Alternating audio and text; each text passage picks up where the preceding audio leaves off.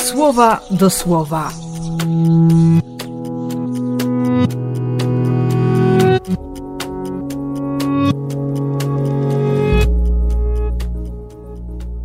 Siódmy listopada, wtorek.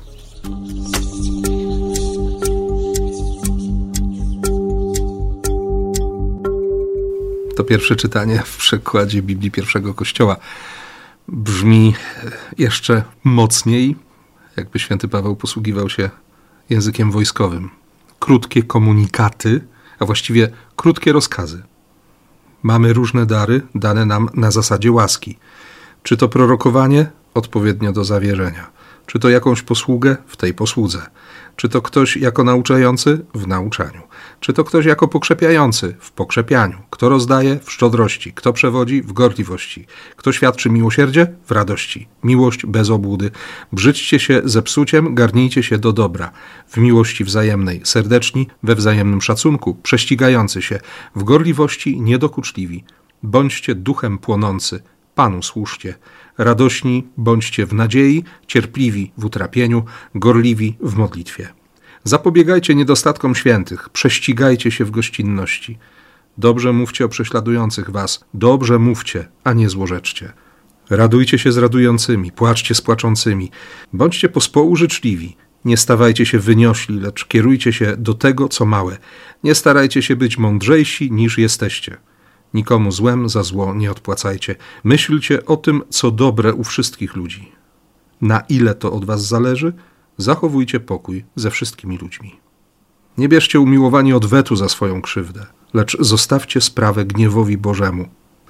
I wreszcie na koniec, nie wybrzmiało dziś, nie dawaj się złu zwyciężać, ale zło dobrem zwyciężaj.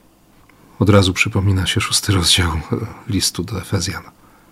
Walka? Tak, ale nie z ludźmi. Walka o serce, które, które ufa Bogu, które kocha. Nie jest obłudne, ale rozpalone ogniem Pana. Właśnie tak. Takie serce, takie życie, takie zwyczajne, gdzie się odpowiada na zaproszenie na ucztę, gdzie jest miejsce naprawdę o sobie i na świadomość, że do stołu Bożego zostali zaproszeni biedni, inwalidzi, niewidomi, okaleczeni. Dokładnie ci, o których Jezus chwilę wcześniej powiedział gospodarzowi tej uczty. Hm. Miłość domaga się prawdy.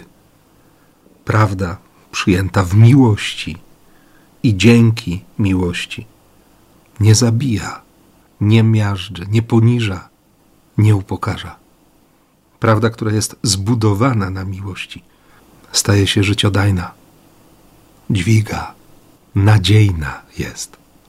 I nadziei właśnie życzę Ci i błogosławię w imię Ojca i Syna i Ducha Świętego. Amen.